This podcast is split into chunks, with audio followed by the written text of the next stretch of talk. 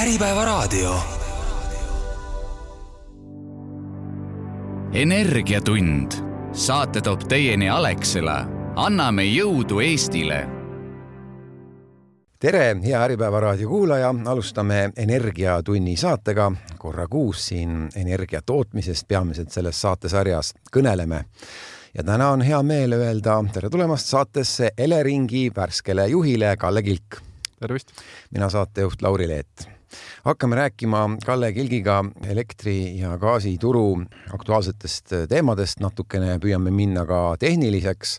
Aga kõigepealt, Kalle Kilk, te võtsite Taavi Veskimäelt äsja Eleringi juhi positsiooni üle, mida Taavi Veskimägi teile kaasa andis, milliseid õpetussõnu või, või soovitusi sellel, sellel töökohal? no me oleme Taaviga koos tegelikult ju töötanud aastast kaks tuhat seitse, et äh, ma arvan, et tema õpetussõnad võib-olla olidki pigem äh, niimoodi laiali jaotatud kogu selle perioodi peale, et ta nüüd päris viimastel hetkedel väga palju nagu spetsiaalselt võib-olla siis ei pidanudki ütlema, et pigem on meil need eesmärgid ja asjad on ju koos seatud ja noh, me teame täpselt, et mis meie põhiülesanded on. aga millal te saite ise teada, et Taavi Veskimägi siis lahkub, et, et on võimalus võtta ise üle see töökoht? no ma olen tegelikult Taaviga koos suheldes olnud nii-öelda eh, esimesena reservis alati, noh, teades, et ettevõtte juhil võivad alati tulla mingid teised väljakutsed, et ettevõttel ei jääks siis eh, Äh, mingid asjad seisma. aga nüüd sellest konkreetsest Taavi plaanist, selle ta nüüd äh, ikkagi sellel kevadel enda jaoks mõtles selgeks, et Taavi Veskimägi on tuntud äh, avalikkuse ees suhtleja, intervjuude osav andja, ludinal tal see käib, räägib alati nii, et ei jõua ära kuulata heas mõttes. kuidas teie tunnete ennast selles olukorras, kus peab avalikkusega palju suhtlema, need Taavi Veskimäe kingad on ikka päris suured selles mõttes? jaa, kindlasti aga noh, ega keegi ei ootagi, et ma Taavi Veskimägi oleksin, et äh, mina räägin noh, oma nurga alt asjadest. aga kui meedia ikkagi tihti küsib ja tahab midagi teada, siis olete valmis selleks, et nüüd tuleb hakata intervjuudele vastama ja, ja küsimustele, igasugustele rumalatele küsimustele? Rumalaid küsimusi pole olemas, et energeetika teema selles mõttes ongi nii piisavalt keeruline, et, et siin isegi meil majas sees ei saa pooltest äh, teemadest võib-olla detailideni äh, teadagi midagi, et räägime energiahindadest. inimesed Eestis on, ma usun, siiski ebakindlas ähm, olukorras selles mõttes, et jällegi ei tea, mis uus kütteperiood toob. Elektri hind eelkõige, aga gaasi hind, kas tulevad uued äh, järsud tipud, mis teie prognoos ütleb mm,? eraldi hindade prognoose me Eleringis ei tee. Ehm, aga mingisuguseid paralleele ilmselt on võimalik tõmmata selle pealt, et et kui nüüd hinnad moodustuvad tegelikult börsil, et selle järgi, et äh, kas siis sellel hetkel on piisavalt palju äh, sellist tüüpi elektritootmist äh, pakkumise tegemas, mis on soodne, või siis on soodsad allikad kõik mingil hetkel ammendunud ja pakuvad ainult kallitest kütustest tootjad. ja noh, eelmisel talvel oli näha, et, et kui siin gaasi hind oli hästi kõrge, siis nendel hetkedel, kui gaasielektrijaamad pidid käima minema, siis nende, nendel hetkedel oligi tervikhind kõrge. et siin mingisugust nagu jah, ütleme, ligikaudset hinnangut võib vaadata selle järgi, et kui palju on süsteemis ette näha uusi tootmisi võrreldes siis eelmise talvega. ja noh, seda on noh, mida rohkem tootmisi on, seda efektiivsem konkurents nende vahel on ja madalam hind tuleb, eks. ja noh, teine asi, et gaasi enda hind on oluliselt odavamaks läinud. aga jah, et, et kui nüüd vaadata seda, et kui palju tootmist on, siis suve jooksul on kindlasti tulnud naabrite juurde, taastuvenergial põhinevat tootmise juurde, pluss et nüüd kevadel on käima läinud äh, soomlaste juures siis uus tuumaelektrijaam. Üpris suure võimsusega, tuhat kuussada megavatti, nii et ma arvan, et nende asjaolude järgi võib eeldada, et et tootmist vähemalt peaks olema piisavalt palju, nii põhimõtteliselt, et konkurents vähemalt saab toimida. ja nüüd ainuke küsimus on see, et, et kas tekib olukordi, kui äh, need eh, tootmisseadmed on siis samaaegselt juhuslikult hoolduses, remondis või eh, katki. tihtilugu need on ju ette teada, need planeeritud hooldused, mis need näitavad praegu? planeeritud hoolduste järgi me ise küll oleme vaadanud, et niisuguseid murettekitavaid asjaolusid nagu ette näha pole, aga päris palju kordi on, me ise ka vaatame, et need niisugused poolplaneeritud asjad, mis, mis ei tule küll avariiliselt, aga nad selguvad kuskil noh, niimoodi paar nädalat enne seda, kui see hooldus tekitatakse, et selliseid asju me täna äh, veel ilmselt ei näe, eks. aga kas gaasijaamu tuleb sel hooajal tööle panna või, või mitte? usutavasti ikka, et äh, kui vaadata Baltikumi energiabilanssi, siis tegelikult ju Lätis valdav enamus elektrist ikkagi toodetakse gaasielektrijaamade pealt ja nüüd on küsimus, et, et kas tuleb äh, käima panna selliseid ebaefektiivseid gaasiseadmeid, nii nagu on Leedus. ja sinna noh, ennustada ei julge, aga küllap neid hetki ka mõni ikka tuleb. kui nad ei saa Eestist piisavalt, Soomest Eesti kaudu, siis nad peavad rohkem neid gaasijaamu. Neil on tegelikult endal on ka otseühendus Rootsiga, aga noh, selle Rootsi ühenduse häda on samamoodi, et selle Rootsi-poolne ots on siis selles pigem kallimas regioonis kui odavamas regioonis, et, et ka sealne elekter ei pruugi olla väga soodus. Äh, valitsuse energiakompensatsioonid, mõistan, et see on poliitiline otsus ja äh, teie seda ei saa kuidagi mõjutada, aga kas te oma üleüldistes turuprognoosides arvestate, et mingil määral neid ka see talv tuleb või mitte? me selles kontekstis nende, nende prognoosimisega pole küll tegelenud, et et selliseid märke pole, et, et kriis jätkuks, et pole siis ju põhjust eeldada, et ka kriisimeetmeid vaja oleks. ja nii-öelda siis vajadus, ma saan aru, siis pigem teie hinnangul on, et neid ei ole vaja, et kui vaadata seda olukorda, millest eelmisel aastal tegelikult see kriis tekkis, ülikõrged gaasihinnad ja suhteliselt äh, väike varu siis tootmise tarbimise vahel, siis selliseid asjaolusid praegu ei tundu olevat räägime natukene siis ka meie elektribilansist ma panin tähele, et Venemaale eh, ikkagi jätkuvalt Leningradi siis nii-öelda suunal liigub elektrit välja. me ju ei ole enam Venemaaga elektrikaubandust tegemas, et miks see võimalik on, et tuleb, tuleb Soomest meile pidevalt elektrit ja osa sellest jookseb Venemaale mm? -hmm.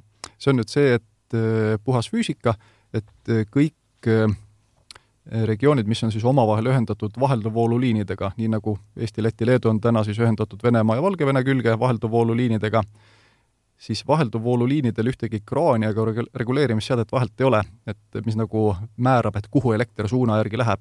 et kui ütleme, tinglikult põhja pool on rohkem tootmist ja lõuna pool on vähem tootmist ja rohkem tarbimist, siis kui see elekter sealt põhja poolt lõuna poole üritab liikuda, siis ta otsib enda jaoks kõige väiksema takistusega teed ja noh, tänaseks on siis osaliselt ka Vene võrk see, mille kaudu ta siis liigub, et ta füüsiliselt läheb Eestist välja ja siis kas Lätis või, või siis Leedus siseneb uuesti Baltikumisse.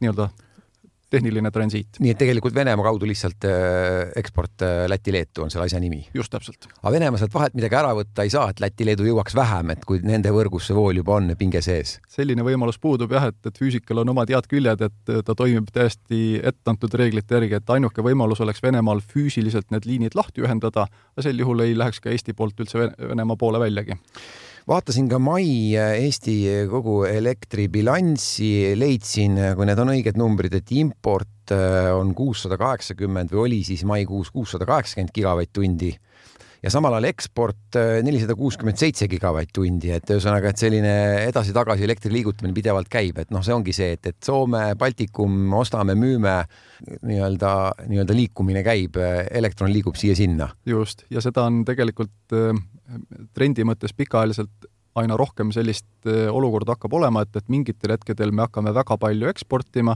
ja mingitel hetkedel väga palju importima.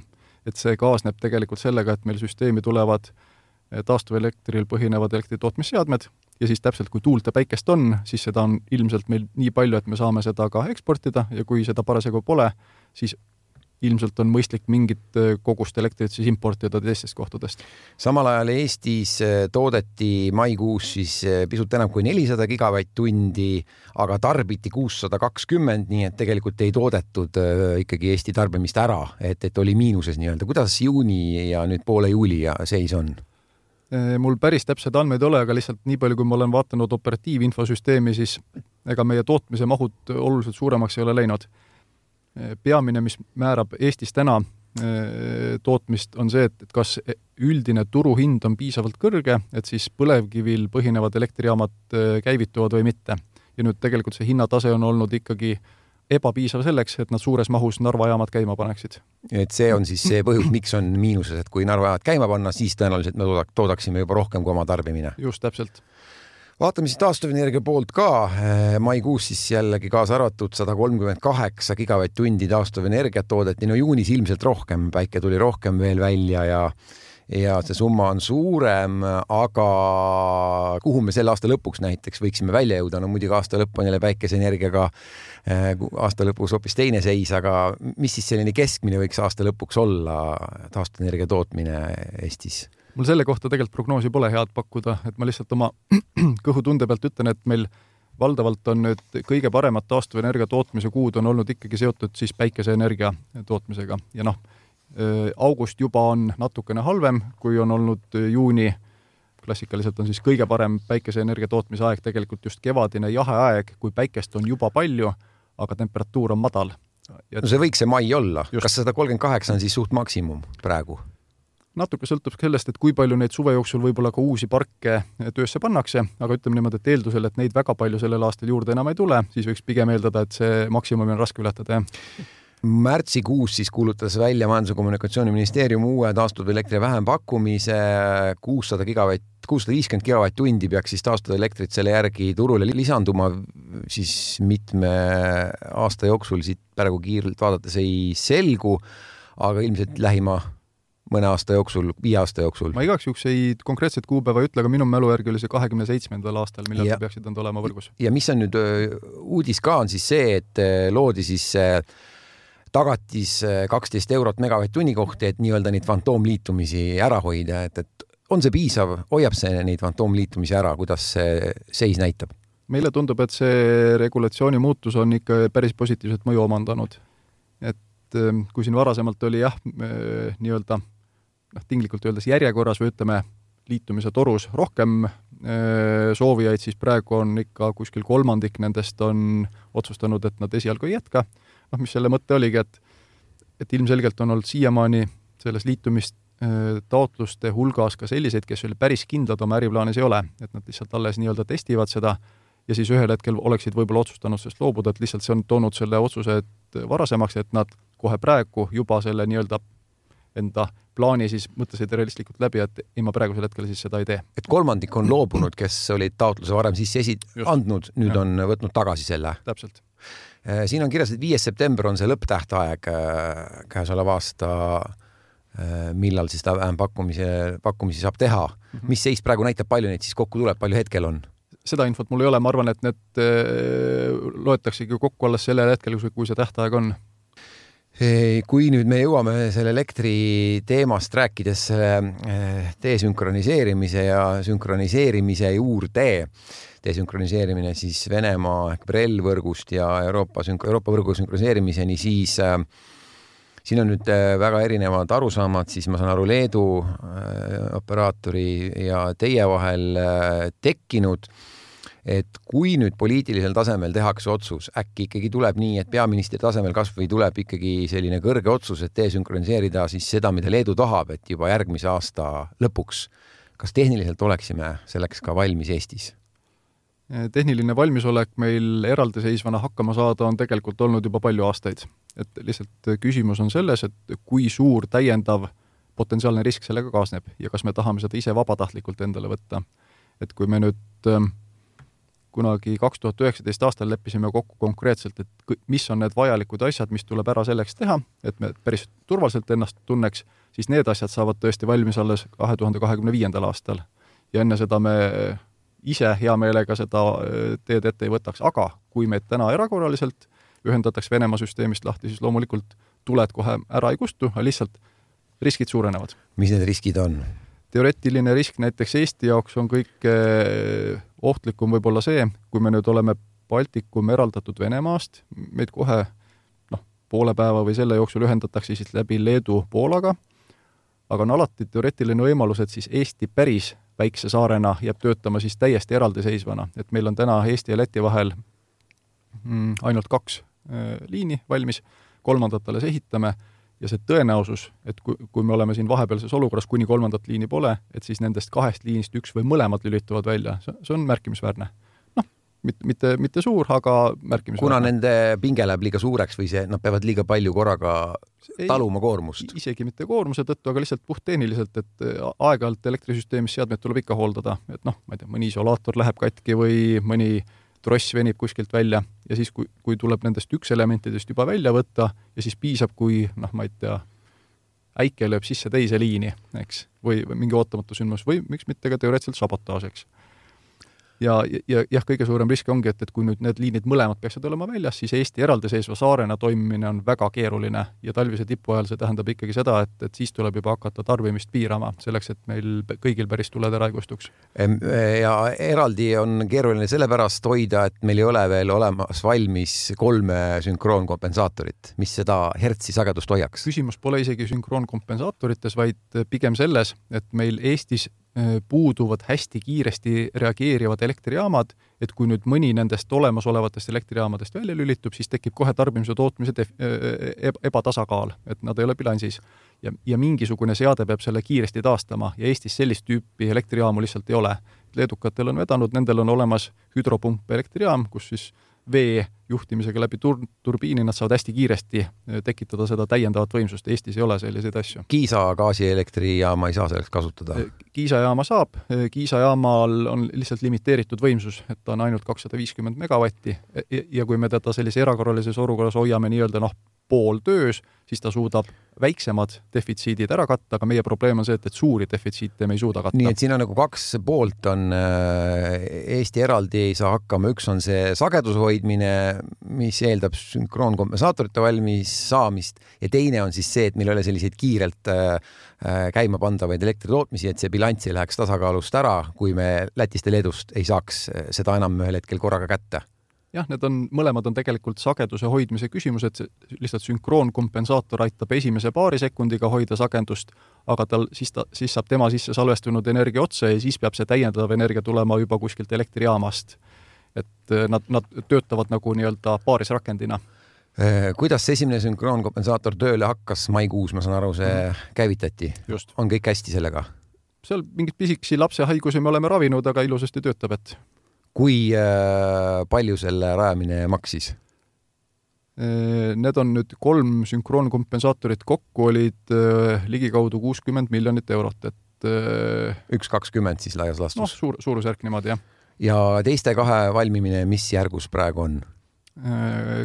kaks tükki tulevad nüüd Kiisale ja Narva juurde ja nendest see Kiisale tulev sünkroonkompensaator on siis sellises faasis, et äh, me hakkame siin augusti teisel poolel commissioning'i tegema, ehk siis see on nii-öelda töösse viimise protseduurid, juba testitakse, kas kõik süsteemid töötavad hästi. et ta on ikkagi üpris, üpris, üpris valmiduses, heas, heas valmiduses. ja, ja peaks siis olema aasta lõpuks äh, vastu võetud. ja kolmas? ja kolmas on siis pooleaastase nihkega, et sinna praegu äh, need üldehitustööd ehk siis see hoone, kuhu seadmed paigaldatakse, see on ehitamisel. kes need ehitajad on?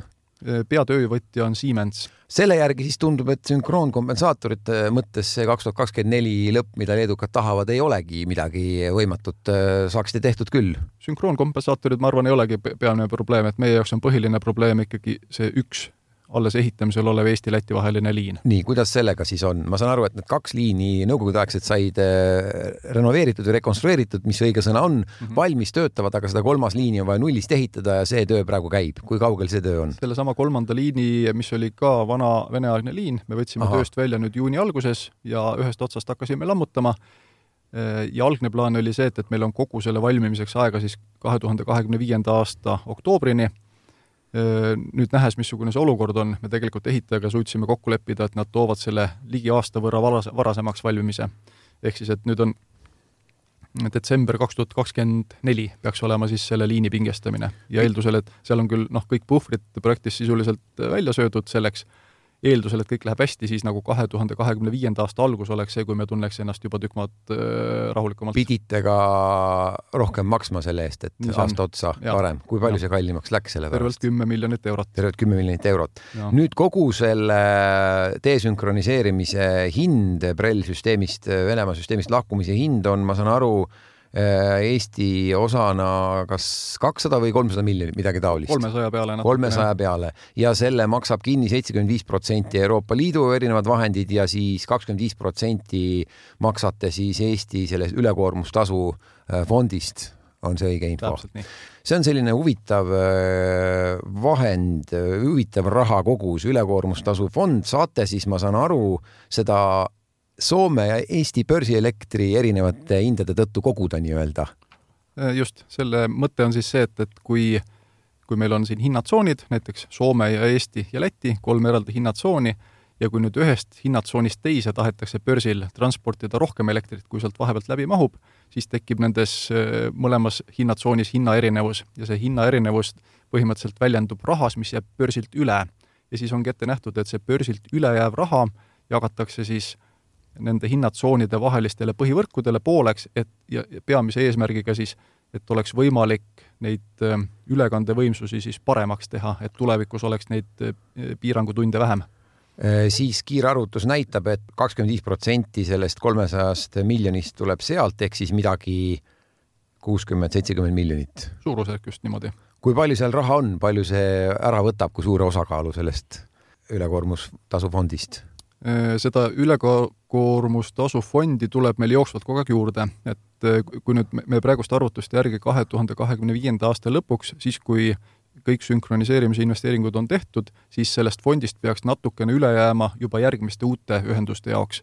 ehk siis, et me sellest samast rahast hakkame ette valmistama äh, Estlink kolme ehitamist Eesti, Eesti-Soome vahele kolmandat liini ja peale seda siis ka Eesti ja Läti vahele neljandat liini. kõlab see ülekoormustasu fond äh, nii või kuidagi sealt tuleb see loogika, et teil on kasulik, kui Eesti ja Soome vahel börsihind on erinev, sinna ülekoormustasu fondi tuleb raha, kui oleks sama, siis ei tuleks, ehk et tegelikult ei tahagi, et, et me saaks veel paremad ühendused Soomega, sest siis te jääks sellest rahast ilma.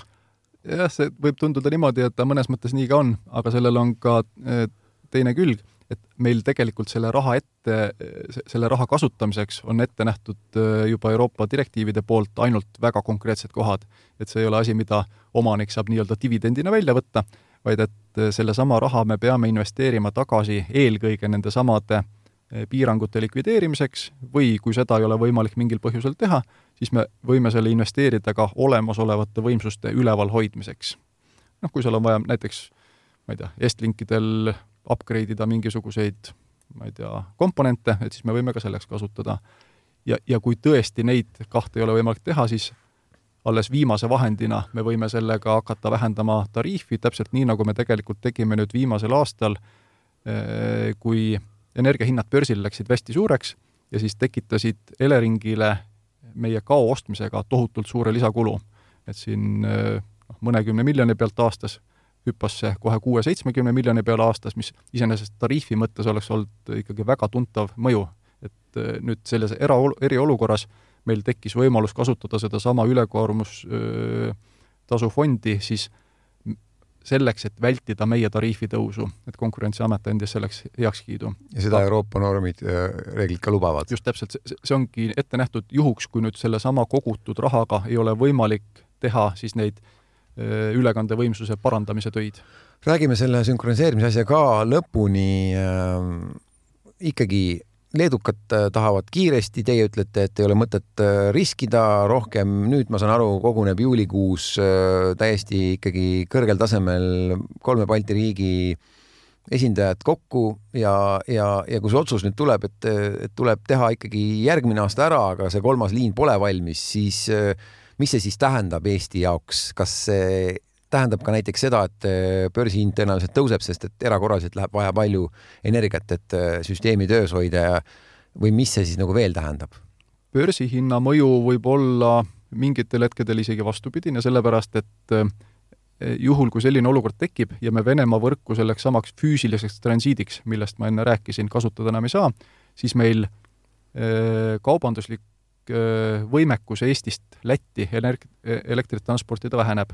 mis tähendab seda, et, et pudelikael Eesti ja Läti vahele tuleb suurem suure tõenäosusega, noh, mis võib tähendada, et, et siinne börsihind natuke langeb ja Lätis tõuseb, aga sinna vastu äh, tulevad meile jälle oluliselt suuremad kohustused hoida siis Eestis täiendavaid reserve, mis nagu tegelikult söövad kogu selle nii-öelda tarbijavõidu ära ja isegi tekitavad sinna päris mahlaka lisakulu. et me ütleme, et, et kogu arvena see kliendi jaoks on, oleks kindlasti majanduslikult kahjulik aga kui nüüd äh, tõesti Venemaa erakorraliselt, ma ei tea, ülehomme, ma ei mõtle mhm. metafoorselt, sõna otseses mõttes tõesti ülehomme ise ühendaks lahti meid, mis see tähendaks Eesti tarbija jaoks, Eesti jah, tarbijate jaoks? just, meil on täna on äh, kokkulepe, äh, et enamus nendest lisanduvatest kuludest, mis Elering peaks reservide hoidmiseks tege-, tegema, need tulevad sellest, et Kesk-Euroopas kehtib kokku lepitud loogika, see, et kui palju keegi reserve hoiab ja juhuks, kui meid erakorraliselt Venemaast eraldatakse, siis on meile antud erand, et siis me neid reserve hoidma ei pea kuni kahekümne viienda aasta lõpuni. mis tähendab, et, et selle, vähemalt selle lisanduvate kulude poole pealt era, erakorraline desünkroniseerimine tarbija jaoks nagu ei, ei tohiks nagu midagi eriti tähendada. siin ongi siis koer maetud, miks te vastu olete, et erakorraliselt võib seda kasutada, ise nii-öelda leedukatega kaasa minna, seda ise teha, siis ei tohiks, siis läheks tarbijatele kallimaks. kas see ongi see põhiargument teie jaoks? miks te vastu olete? see on üks meie argumentidest, aga ma ütlen, et, et olulisem meie jaoks on ikka siiski see tehniline risk, et me ise vabatahtlikult endale seda ikkagi võtta ei tahaks et, et me mingil hetkel peaksime siis tarbimist hakkama kas piirama või vähendama. aga ma mõtlen niimoodi nüüd tõesti mittetehniliselt, poliitiliselt ja kuidagi moraalselt ja ühiskondlikult, siis et me kasutame Venemaa võrke, näiteks jah, tõesti praegu nagu selgub Läti ja Leetu elektri siis äh, eksportimiseks äh, me kuidagi oleme osa Venemaa süsteemist, kasutame Venemaa sagedust, kuidagi ei tundu selline mõnus äh, tõdemus, ikkagi tundub selline ebamugav ja miks me seda teeme? kokkuvõttes ta ongi natukene tahte küsimus, et kui me oleme ühiskonnana nõus aktsepteerima seda, et meil talvel on osadel inimestel pime natukene aega ja on täiendavad kulud, noh, siis see võib olla. aga noh, et, et ma isegi seda, eh, leedukad ka väga palju rõhuvad sellele eh, eetilisele aspektile, aga noh, et, et mõnes mõttes see on umbes sama eetiline nagu kasutada sama vett mis tuleb samast järvest, et noh, et või siis elada samal kontinendil Venemaaga, et Need on geograafilised ja looduslikud, aga tehnosüsteemid inimese rajatud. just, aga seda ma tahangi öelda, et, et need tehnosüsteemid tegelikult töötavad vastupidiselt, et nii meie noh su, suured süsteemid on sellepärast üldse suured tekkinud, elektrisüsteemid, et ta on kasulik kõikidele osapooltele. et see, et, et Baltikum on suure süsteemi oma, aitab öö, sellel ülejäänud süsteemil sama hästi toimida, nagu see suur süsteem aitab meid, et ta on nagu mõnes mõttes nagu sümbioos.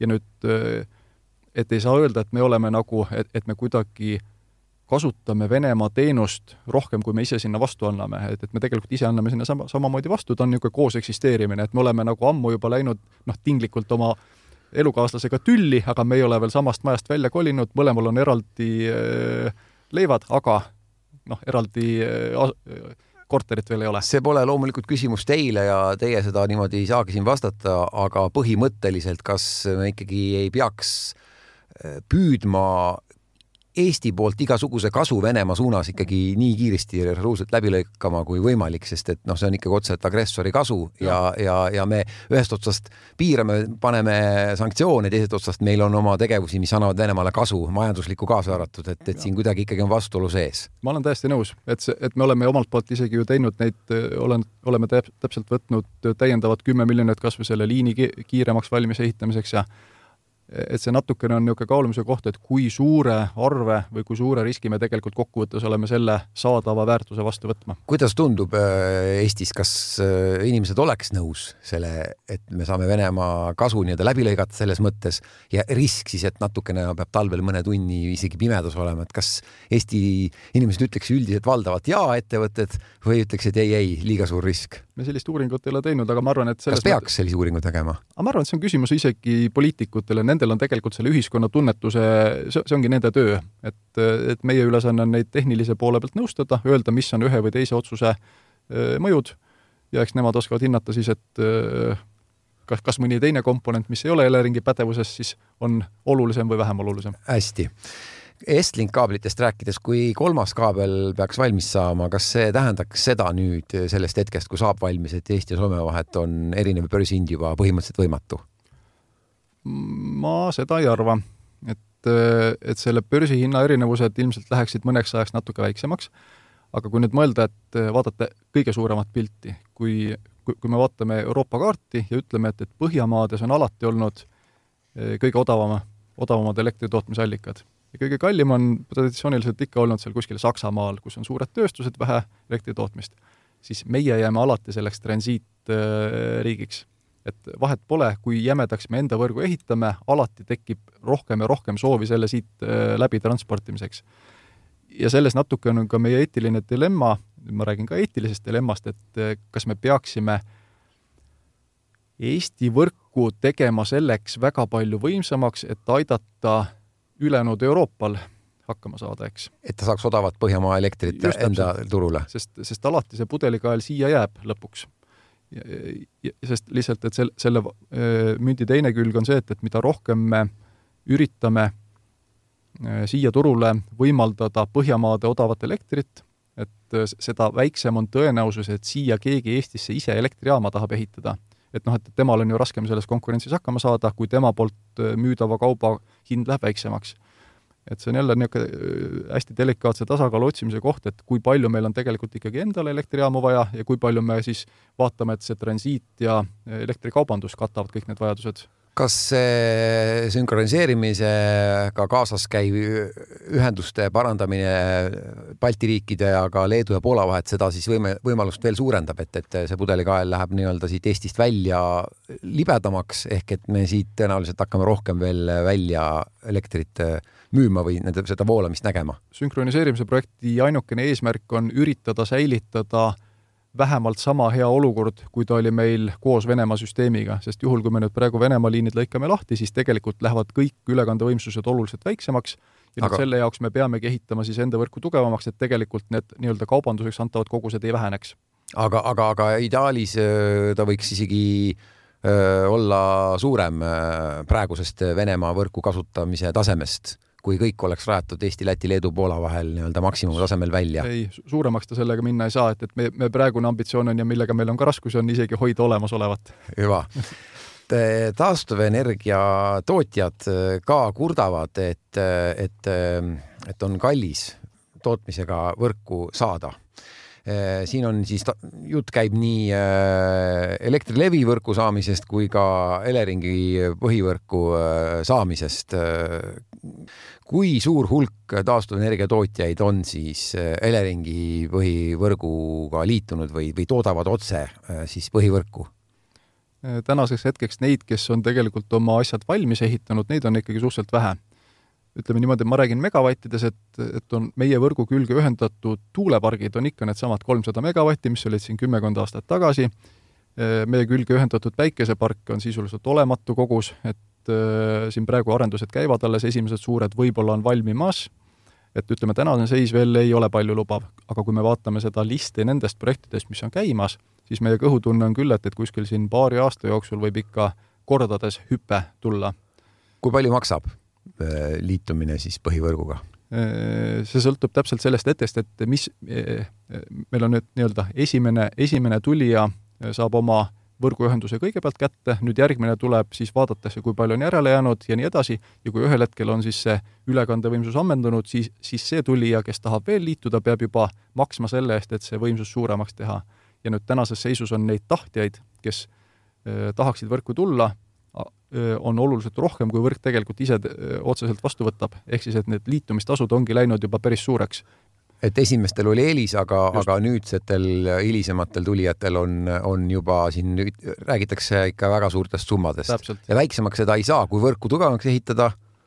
kas see võib väiksemaks minna? nüüd ongi küsimus, et, et ta läheb, see liitumistasu läheb väiksemaks, juhul kui keegi teine ehitab selle siis valmis. sest tänane loogika Eestis on niimoodi seaduse poolt ette nähtud, et kui tahab uus liituja tulla võrku, siis elektrivõrk seda iseenda raha eest teha ei tohi, noh, see oleks põhimõtteliselt nagu kõikide tarbijate peale selle kulu laialimäärimine, eks, et seda teha ei tohi, et iga liituja peab enda liitumisega seotud kulud ise katma. ja nüüd sellest paratamatult kasvabki välja siis, et, et kes oli varem, see oli eelises. kui äh, mitu aastat äh, see nii-öelda järjekord on, on juba olnud ukse taga umbes selline nagu tihedam järjekord?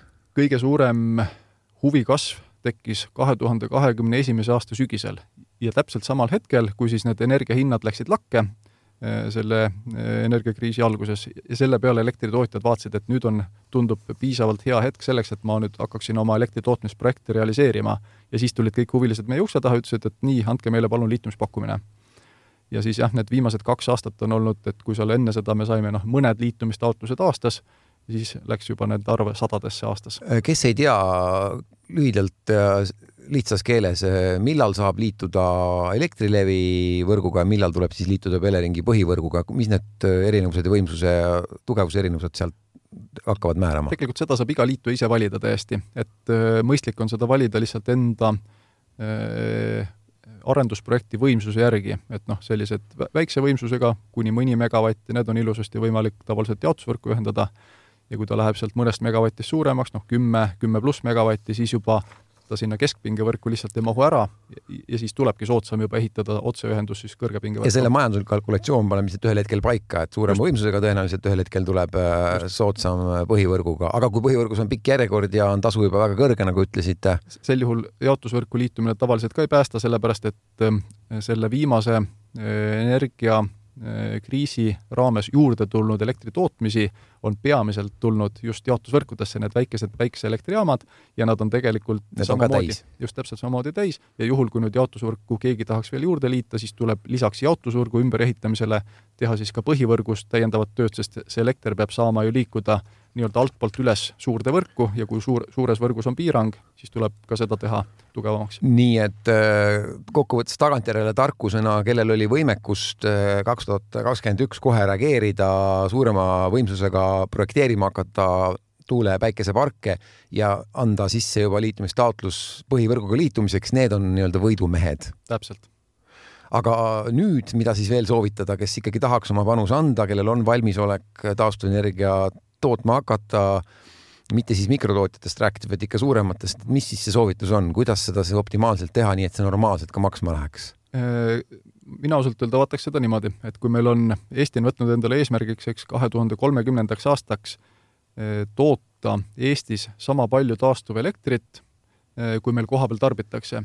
ja tegelikult selle koguse annab kokku juba meil täna protsessis olevate liitujate projektid et, et noh, et nüüd on küsimus lihtsalt, et kui palju siia üldse täiendavalt turule mahukski. Ja, ja selle kohta ongi, vähemalt mu enda hinnang on, et ega neid väga palju ei mahu. Ehk siis äh, nagu ma siin maikuu andmed välja tõin, kuussada kakskümmend gigavatt-tundi näiteks maikuus äh, sinnakanti ongi see juba taastuvenergia tootmine viie aasta pärast tõenäoliselt saavutatud. Ja, ja ega rohkem ei olegi mõtet nagu neid planeerida ega tegelikult see asi on natuke keerulisem et äh, meie kahe tuhande kolmekümnenda aasta eesmärk on ju aastasumma, aastasummaarne energia ja ilmselgelt see, selle tootmine aasta lõikes ei saa sugugi ühtlane olema. et teatud, suvel tuleb rohkem toota. just täpselt, et äh, mis, mis tähendab lihtsalt seda, et, et, et suvisel ajal saab meil olema väga suur eksport ja siis talvisel ajal ilmselgelt tuleb siis kuskilt importida on see, kuidas mina seda julgeksin ennustada. mis tähendab toimivaid ühendusi Just. riikide vahel inimesed, äh, ettevõtted kurdavad ka, et, et äh, maaomanikele liinide ja tehnoseadmete talumistasu on väga väike või, või, või siis ei ole need kergesti rahuldatud, need taotlused. ma küsin, kui palju esitatakse avaldusi keskmiselt äh, talumistasu saamiseks aastas või kuus või mis te toote välja ne,? Need on niimoodi, et tegelikult, kes on ühe korra selle taotluse meile juba esitanud, see enam uuesti seda esitama ei pea, kui tal omaniku andmed ja kõik jäävad samaks Äh, ja tänasel hetkel on neid taotlusi kuskil suurusjärk tuhat kolmsada tükki meile esitatud, see öö, muudatus siis jõustus kaks tuhat üheksateist, ehk siis et ma nüüd võtan arvesse siin kõik, mis selle aja jooksul on esitatud. ja noh, iga-aastasel siin noh, ütleme mõnisada taotlust tuleb veel juurde.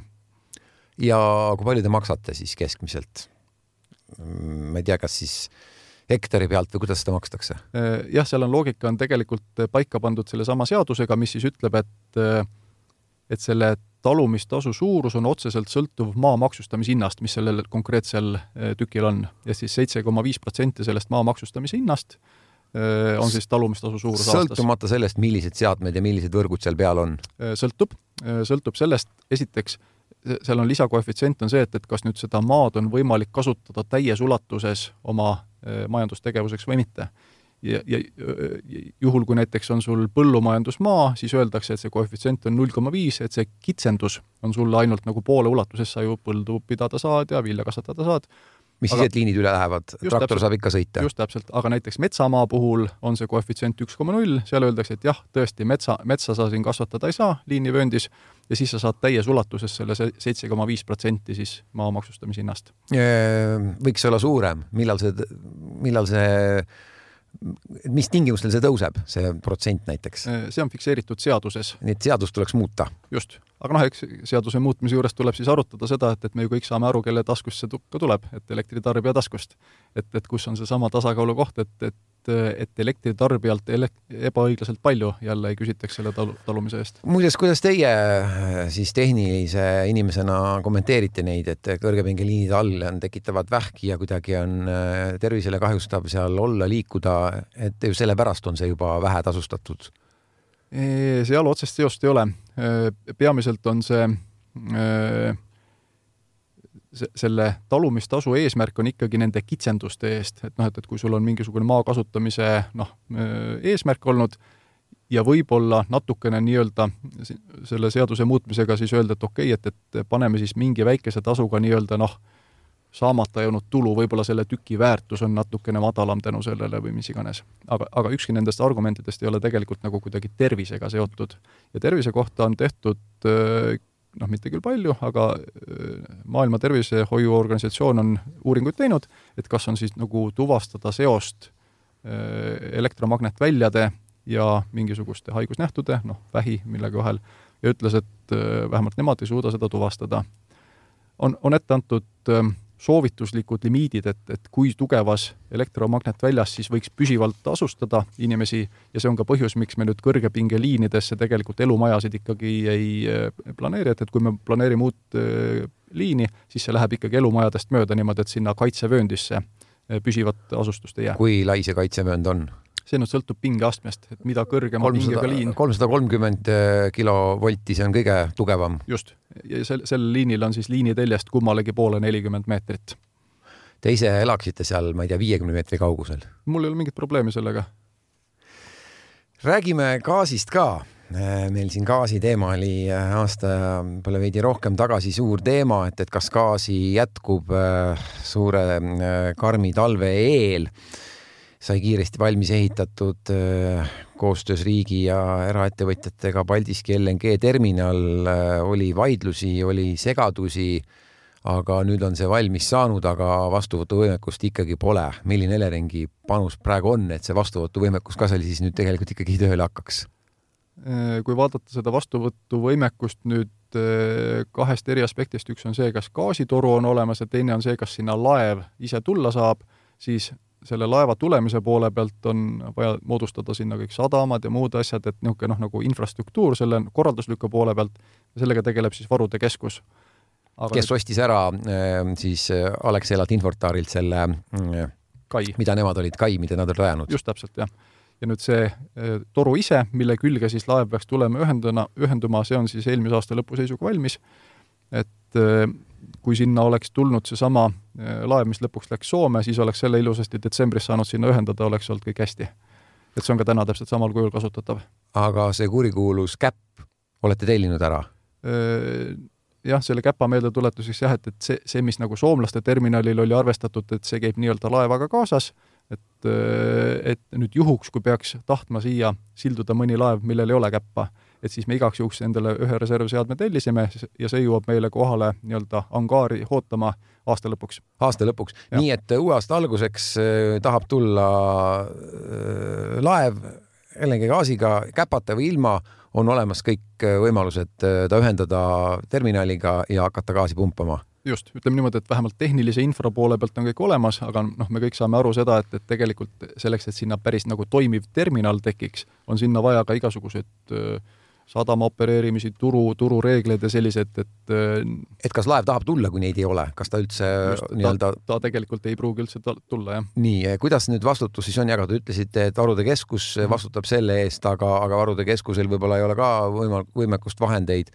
kas Elering kuidagi ei saaks ka panustada või kuidagi siin kiirendada seda protsessi? ma arvan, et Varude Keskusel on siin isegi tegelikult suurem võimekus kui meil, et äh, meie sadamateenuste pakkumisega oleme veel vähem kokku puutunud. kas teil on äh, koostöö Varude Keskusega parem, kui oli Alexela Infortariga, sest et siin ikkagi vahepeal läks teil väga kriitiliseks see suhtlus?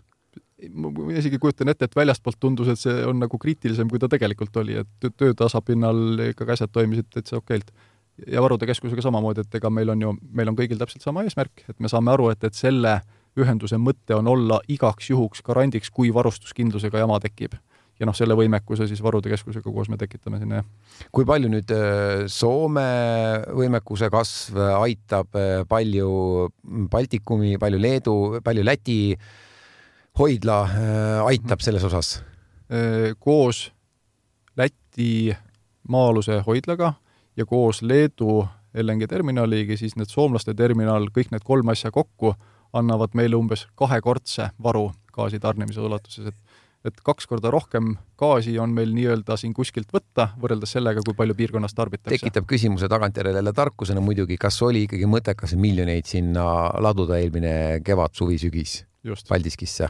aga noh, vähemalt on gaasivarustuskindlusega selles mõttes hästi, et, et seda, seda hirmu enam ei tohiks küll kellelgi olla, et, et gaasist kuidagi puudu jääb, et aga kui siin kahe-kolme aasta jooksul me ei kasuta seda Paldiski terminali, siis see küsimus nii-öelda võimendub, ühiskondlikult hakatakse ka rohkem küsima, et, et miks kiirkorras sellise hooga sellised miljonid. aga ta on mõnes mõttes samasugune asi, nagu ma tooks paralleeli, nagu elektrisüsteemis on reservelektrijaamad, kellele me maksamegi nii-öelda valmisoleku eest et tavatarbija nendest õnneks midagi ei tea, ta ka võib-olla küsiks, et miks seda vaja on, aga see ongi, et, et need reservid või varud ongi nendeks olukordadeks, kui mingi probleem tekib, et siis tarbija sellest ka teada ei saaks, et kas tuled vilguvad või gaas on otsas Kalle Kilk, meil hakkab äh, saateaeg läbi saama, lõpetuseks küsin äh, veel kord äh, sarnaselt nagu saate alguse poole küsisin, mis nüüd küttehooaja eel ees ootamas on tarbijaid, ütlesite, et siin mitmed aspektid, mis seda mõjutavad, kas hind tõuseb või ei tõuse, aga küsin lõpetuseks nii, et, et mis, mis peaks juhtuma, et need negatiivsed stsenaariumid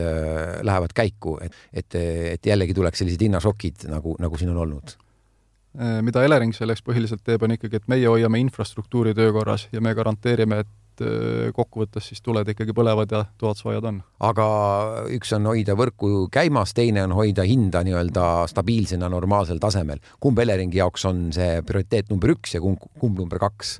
Elering ise hinda hoida ei suuda, hinna tekitab ikkagi elektribörs, meie peame lihtsalt tagama, et, et selle börsi toimimise need öö, äh, raudvara, mille peal ta toimib, et see oleks töökorras. kui ta on töökorras, siis on ka ühtlasi hind tõenäoliselt madalam. siis on kõige parem sellel hetkel saadaolev hind. nii gaasi kui elektri osas.